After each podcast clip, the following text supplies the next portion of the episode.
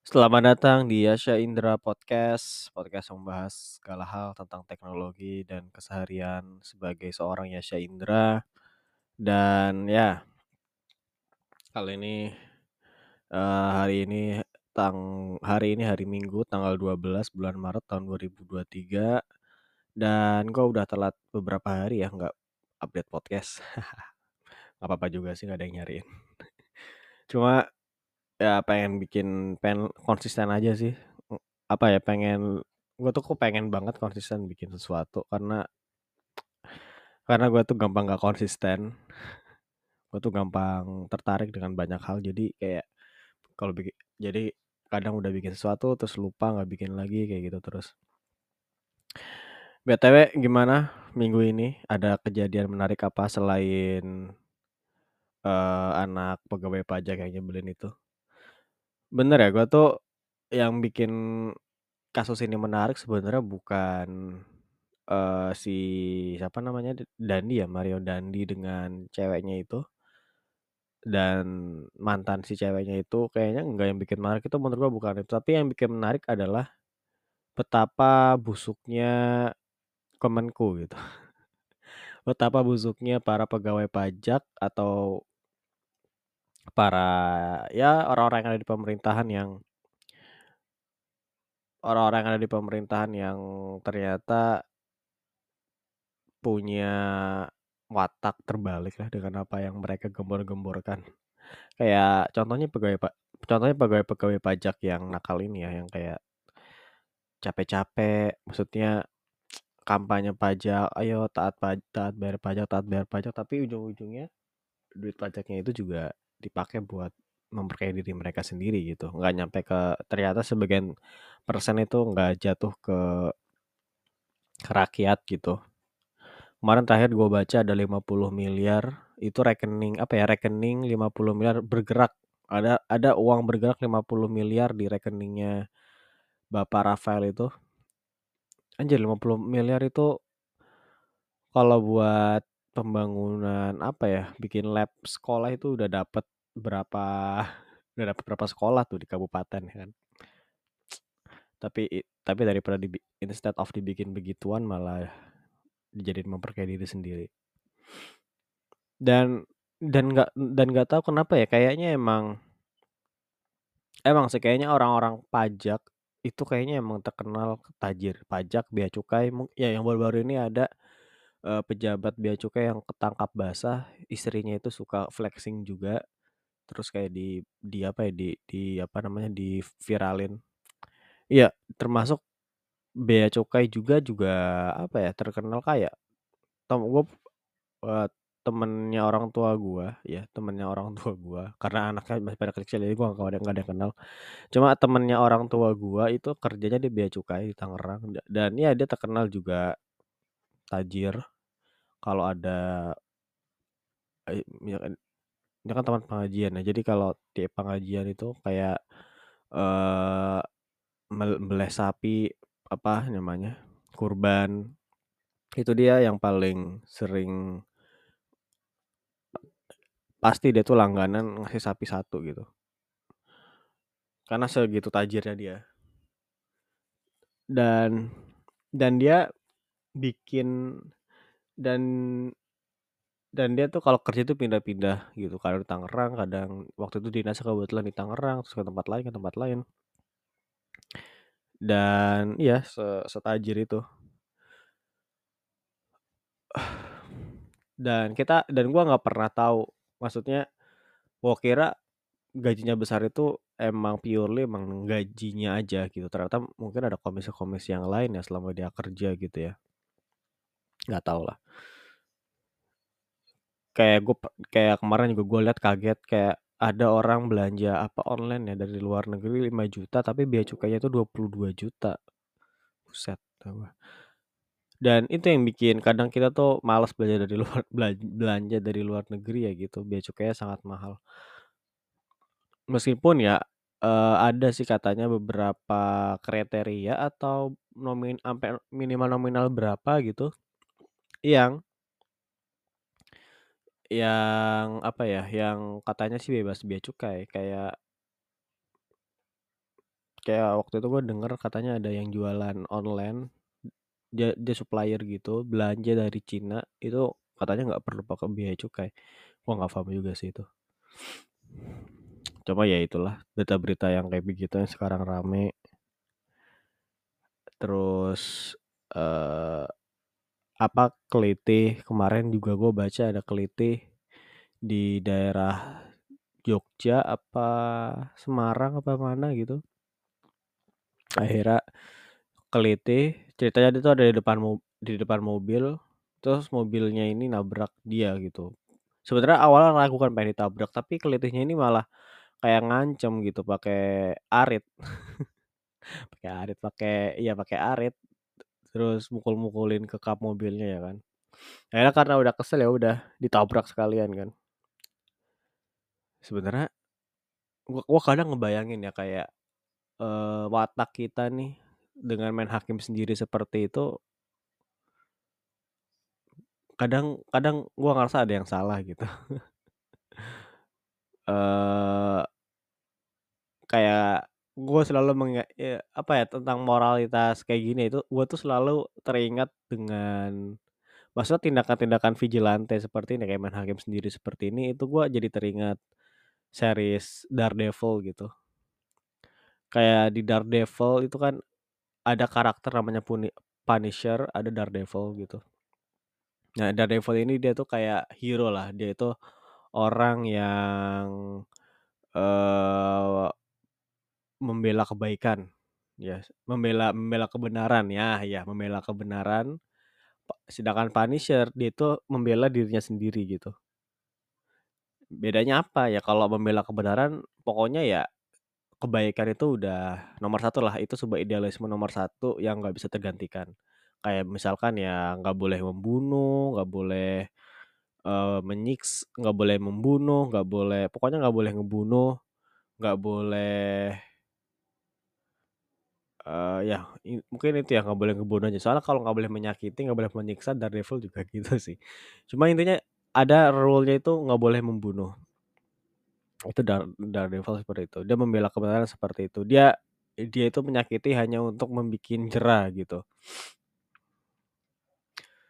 Terus, eee, kalau Punisher dia itu anti-hero, dia itu membela dirinya sendiri. Jadi kayak dia me menanggalkan gitu segala kebenaran, segala kebaikan demi dirinya sendiri gitu. Karena kan ini agak spoiler ya, pu Punisher kan dia punya keluarga ya, keluarganya itu mati gara-gara, eee, FBI apa gara-gara, eee, angkatan darat militer gitu, gara-gara ada penyergapan apa gitu kan, mati di situ.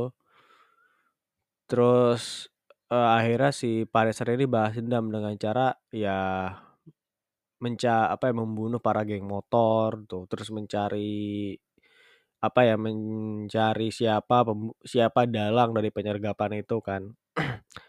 Ya udah itu Punisher, pokoknya dia ngebunuh orang-orang ini gitu. Nah gua kadang ngelihat realita kita nih ya kayak Punisher ini gitu. Nggak hanya kita tuh hanya sekelompok orang-orang yang apa ya, kita tuh membela diri kita sendiri daripada membela kebenaran. Dan mungkin apa yang dihadirkan di series Daredevil ya itu mungkin kata gua nggak akan terjadi di dunia nyata. Well, it's just fiction. Ini sama halnya, ini sama fiksinya dengan eh, kemampuan Matt Murdock dalam menavigasi tubuhnya yang sudah buta itu. Menurut gua ya, itu sama fiksinya seperti itu. Idealisme yang diusung Daredevil itu sama fiksinya dengan kehadirannya di dunia nyata gitu. Kayak nggak nggak mungkin ada gitu. Tapi ya mau gimana lagi dunia ini bekerja layaknya eee, Punisher dengan musuh-musuhnya itu gitu, dengan Jigsaw, terus Kingpin gitu ya, dunia ini seperti itu gitu. Itu Daredevil bagus sih. Eee, ya gue tahu Netflix sering dibully di internet, di Twitter karena ya apa pun yang dia lakukan pasti selalu ada aja yang nggak suka gitu. Bikin apa namanya, bikin remake itu, bikin series ini itu dan lain sebagainya selalu di selalu diceng-cengin, bikin kebijakan ini selalu diceng-cengin gitu. Mungkin satu-satunya hal yang bisa menebus semua kesalahan itu ya seumpama itu salah, mungkin ya series Daredevil ini sih. Karena gila itu Daredevil is a blessing among all series in Netflix. Itu series terkeren sih yang yang pernah gua itu series superhero terkeren yang pernah gua tonton. Gua nggak pernah sanggup itu nonton apa series superhero. Uh, dan gua kadang dan iya kadang iya mungkin kita ya kita tuh semuanya ini jahat gitu. kita cuma pilih-pilih aja kita mau jahat di mana gitu. Itu kita cuma beda kesempatan aja. Ya kayak agama aja lah. cuma kak cuma ketika berbuat baik ya uh, ya kadang kita itu tulus banget. Cuma ketika kita berbuat jahat kita akan membalas kejahatan dengan kejahatan dengan kejahatan. Itu mungkin salah satu uh, apa ya salah satu hal yang nggak salah satu hal yang lu dapat ketika lu nggak beragama. Iya ketika lu berbuat baik lu akan aja sangat tulus tapi ketika lu dijahatin lu akan mencoba untuk menjahati balik sampai benar-benar membunuh gitu Ya meskipun di agama kan dia ada beberapa hukum-hukum syariat ya. Beberapa hukum-hukum syariat yang ya kalau orang kalau orang membunuh berarti balasannya juga harus dibunuh segala macam. Ya itu itu mungkin lain-lain cerita. Yang gua bahas mungkin agama secara moralitas gitu. Maksudnya moral moral moral yang ideal gitu. Atau uh, dan ya dan beberapa minggu ini gue tuh ini beda cerita lagi ya. dan beberapa minggu ini gue tuh ngikutin uh, sesi Discordnya Bang Abe Bang Abe Abraham Tino. Dia tuh stand up comedian dari Jogja yang gue suka gua lumayan suka. Ya gue gue suka karena emang kayaknya kayaknya stand up comedian yang gritty itu gue suka lah. Pokoknya di Indonesia ini kalau ada stand up comedian yang agak-agak pinggir julang, agak-agak bitter, agak-agak apa ya kayak dia tuh ngeliat dunia tuh kayak sebel lah gitu. kayak Adriano Kalbi, kayak Rindra mungkin kayak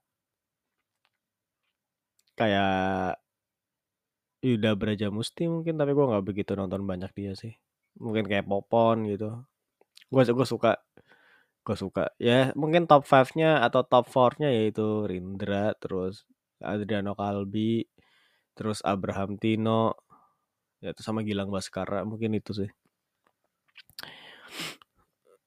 Uh, dan dan kita dan gue ikutan ke room discord itu jadi cuma kayak sharing-sharing aja sih ini saya stand up comedy begini saya udah nyoba open mic ternyata begini-begini ini punya saya punya materi di bedah gitu. Dan gue sebagai orang yang belum pernah stand up ya kadang pengen gitu. Karena gini karena karena mungkin kalau dibilang ya gue tuh punya beberapa pengalaman uh, public speaking yang sebenarnya lumayan oke okay loh ya apa self proclaim gitu. Maksudnya gue punya beberapa pengalaman. Maksudnya gue kalau dinilai ya kayaknya pengalaman gue public speaking itu kayaknya emang jauh lebih banyak dibandingkan orang-orang pada umumnya gitu. Mungkin orang-orang pada umumnya mulai mencoba public speaking ketika dia kuliah, ketika dia lulus SMA, ketika dia kerja gitu. Gue udah mulai public speaking itu ketika gue SMP kelas 1. Lebih tepatnya, jadi dulu kan gue kan di pondok ya. Ya, jadi nanti setiap ngaji itu nanti murid-murid itu disuruh maju gitu buat menjelaskan atau mengulangi penjelasan yang udah dikasih sama gurunya gitu. Misalkan malam itu kita ngaji Quran dari ayat sekian sampai sekian, baca dan makna. Nanti disuruh ngulang tuh baca nama maknanya setelah pengajian selesai. Gua tuh gua tuh dulu selang-seling sama teman gue yang lain. Uh, sama dulu ada ada Mbak Tias, ada Duan, terus ada Suhar, ada Mabak Abajaya. Ya kata selang-seling selang-seling selang-seling, terus ya udah. Dan dari situ kayaknya gue mulai terlatih untuk bisa ngobrol di depan umum mesti meskipun agak apa ya, agak kaku sih. Ya kalau ngomong, kalau menjelaskan mungkin oke lah luas, cuma kalau untuk bercanda, untuk crafting the joke di atas panggung itu gue masih kesusahan. Kayak ada yang ganjel, ada yang nanggung, kayak ada dua patah kat ada dua, tiga, empat patah kata kalimat yang nggak keluar. Entah karena gue ragu, entah karena gue bingung, entah karena gue susah menyampaikannya jadi kayak terbelit-belit atau karena nggak pede gitu untuk mengeluarkan joke ini. Padahal padahal kayak gue yakin bener joke ini bak itu works kayak di tempat lain itu works gue ketawa tapi ketika gue coba dari mulut gue sendiri ketika gue public speaking gue gue gue nggak bisa gitu nggak tahu kenapa ya makanya ya karena emang public kemampuan public speaking gue ini juga ada ada potensi gitu gue takut ini tergerus gitu. Maksudnya ini jadi kayak hilang tiba-tiba karena nggak pernah gue asah. Jadi gue kayaknya apa stand up ya gitu buat ngasah public speaking gue I don't know. Pengen sih cuma agak gue agak ragu agak maju mundur agak maju mundur. Terus eh ya terakhir gue juga nonton apa ya terakhir terakhir gue juga nonton terakhir gue juga nonton stand up komedinya Chris Rock ya yang live on Netflix. Itu itu apa ya sebenarnya kayaknya nggak bukan yang terbaik deh dari Chris Rock menurut gue ya. Gue gue karena beberapa materi ada yang terlalu decent decent menurut gue terlalu preachy terlalu ya kayak tipis-tipis gitu. Nggak nggak bikin kayak tertawa meledak-ledak. Uh, tapi mungkin yang bikinnya spesial ini menarik karena dia tuh bahas ya ketersinggungan dan bahas ya insidennya dia ditampol sama Will Smith itu itu itu gue nggak nyangka sih dia bakal bahas sejauh sejauh itu ya. Karena ya paling gue mikir ya paling dibahas kayak tipis-tipis tipis-tipis aja gitu. Kayak dia nggak mau nyeritain itu banyak banget gitu. Mungkin karena nggak mau dianggap caper atau apa gimana gue kira dia nggak bakalan mau bahas itu kan. Tapi awal-awalnya bahas nyindir-nyindir dikit-dikit wah pas terakhir baru dihajar gitu wah gila sih itu dan itu menurut, gue apa epic apa ya epic comeback aja gitu. Epic comeback.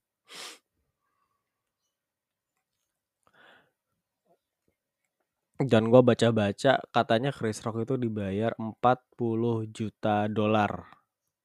40 juta dolar ya buat live Netflix ini. Itu itu seperempat dari budgetnya seperempat dari budgetnya Avengers Infinity War bayangin. Gila ya. Banyak banget gila itu duit 40 juta dolar. Uh, ya pantas dia mau ngelakuin itu. Karena bayangin jadi setelah kejadian Oscar itu kayak beberapa bulan kemudian kayak ada trailer yaitu Chris Rock bikin spesial di Netflix live lagi dan dan apa ya dan gua nggak kebayang sih kok dia mau pertama gitu. Maksud gua kan kayak perusahaan lain kan bisa aja rebutan gitu kayak wah ini momentum tepat nih ada masalah ada insiden ada kejadian berapa deh gue bayar? Yang penting karena orang-orang tertuju ke karena orang-orang di dunia tertuju ke sini semua masalah gitu udah lu kalau mau klarifikasi mau apa namanya lu mau klari lu, lu kalau mau klarifikasi lu kalau mau mengungkapkan keresahan lu nih gue gue bayarin gitu. Lu ngomong di sini kan soalnya Netflix kayak kayak gitu ya kayak om ded gitu istilahnya. Dan ini ada dan ternyata Chris Rock mau Netflix ada duitnya dan terjadilah Netflix special live ini special live event ini gitu. Cuma gue agak ragu ya itu pre-record pre-recorded atau bener-bener live gitu. Karena sebelum apa ya, sebelum Chris Rock itu stand up ya, sebelumnya itu ada ini, ada apa namanya, ada penampilan juga dari beberapa stand up comedian yang mungkin stand up comedian selain Chris Rock ya, yang yang belum begitu terkenal. Mmm, dia bercanda sih kayak, "Enggak enggak, ini sebenarnya pre-recorded direkam Sabtu malam," gitu, sialan. Apa bener pre-recorded? Soalnya kalau pre-recorded agak sebel sih, maksudnya kurang alami, kayak kayak kayak kurang alami, kayak kurang kayak nggak ya kayak kurang bisa me merasakan feel the moment aja gitu kalau nggak ini ya, kalau nggak kalau ternyata pre-recorded ya coba ditayangin live biasa. Ya sih intinya gitu aja. Ya udah mungkin itu aja episode untuk kali in episode untuk kali ini. Eee, nantikan episode yang akan datang. Bye.